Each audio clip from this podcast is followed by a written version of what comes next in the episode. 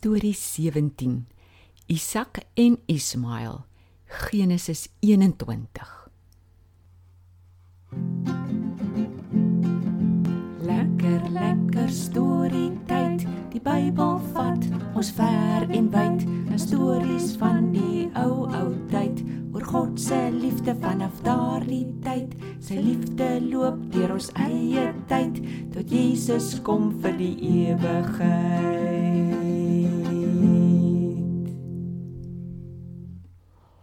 As ek dit ons sussie gehad het.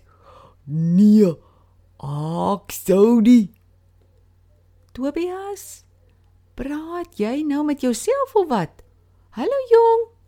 Hallo julle almal. Tannie. Ek sien daar keer dat klei doeties en sissies met mekaar. As ek een gehad het, sou ek nie met hom klei het nie. Tobias. Dis maklik vir jou om dit te sê want jy weet nie hoe dit is om boeties of sissies te hê nie. Of wat sê ek, maats? Partykeer raak boeties en sissies baie kwaad vir mekaar. Och ja, tannie. Maar die mense in die tydelse tyd het daarom seker nie met mekaar na klei nie. Jy sal verbaas wees hoe erg hulle soms beklei het. Dit laat my nou dink.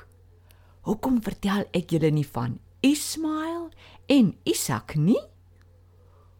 Dit was Isak nou dier. Julle onthou mos die storie van toe die Here en twee engele vir Abraham en Sara kom vertel het dat hulle 'n baba gaan kry.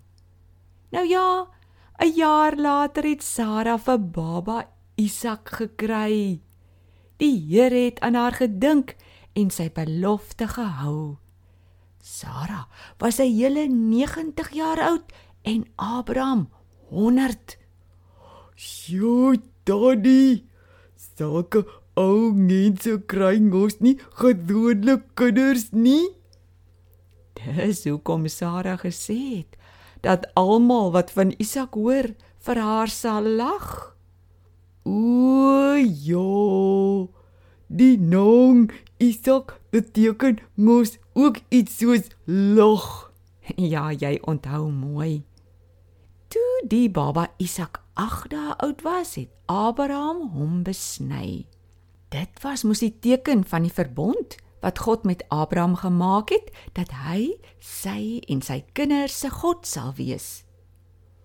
Daddy het Abraham dan nie toe ook al 'n ander seun gehad nie? Jy is reg.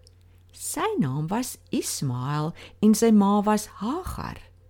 Ismael was omtrent so 13 jaar oud toe Isak gebore is. Maar iets gebeur toe, so 2 jaar na Isak se geboorte.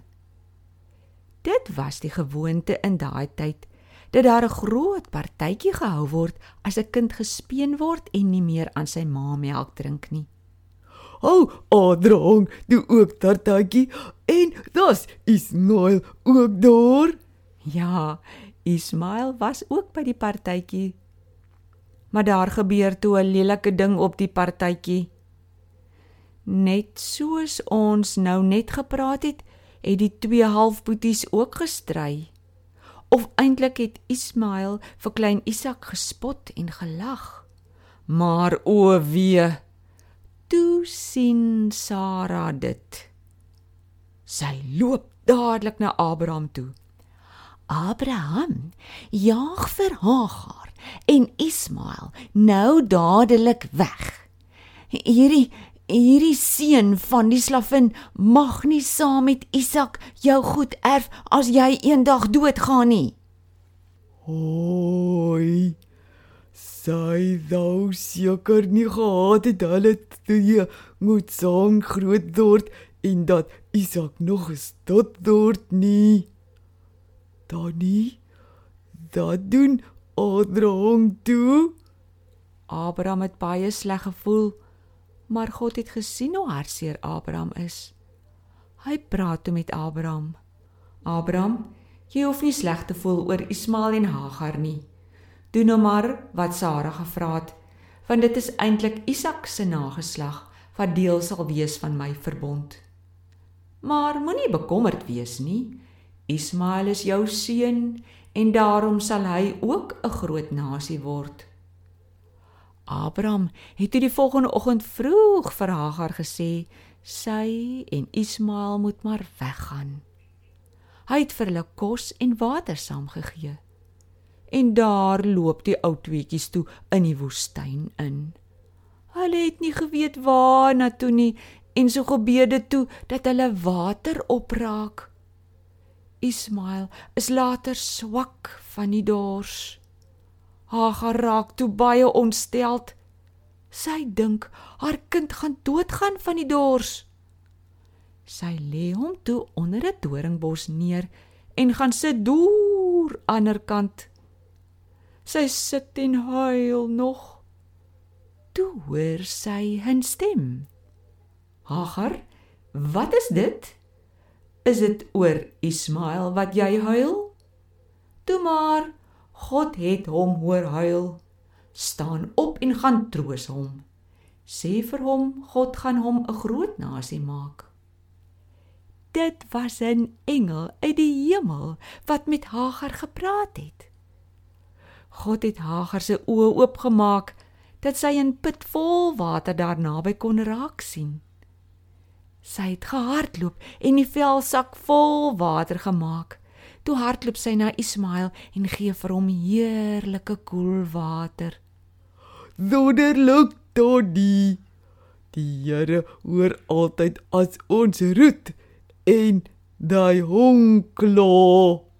Mooi gesê Tobias. Ons kan maar by hom gaan kla.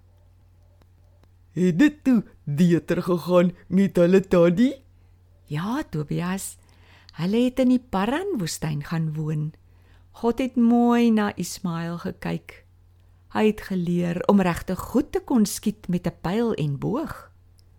Toe hy oud genoeg was om te trou, het Hagar vir hom 'n vrou uit Egipte laat kom. Hoi, Toddy. Dis daarom 'n snaakse storie van Duties dat mekaar so targ dat hulle glad weggaan van mekaar af. Toddy, die noods hoef daarom nie dag te gaan van hulle huis af as hulle gestry het nie hulle Dutie ons sussie nie. Nee, Tobias, dis nie wat God wil hê nie. Hy wil hê die maats moet hom vra om hulle te help wanneer hulle stry. Noods. As ons nou klaar is met die storie, kan julle sommer dadelik vir die Here vra om julle te help met julle stryery. Dan groet ons eers. Totsiens julle. Dis 'n goeie plan van Tobias. Gaan vra sommer nou vir God om julle te help. Ons groet eers, maar bring sommer gou nog 'n storie. Totsiens almal.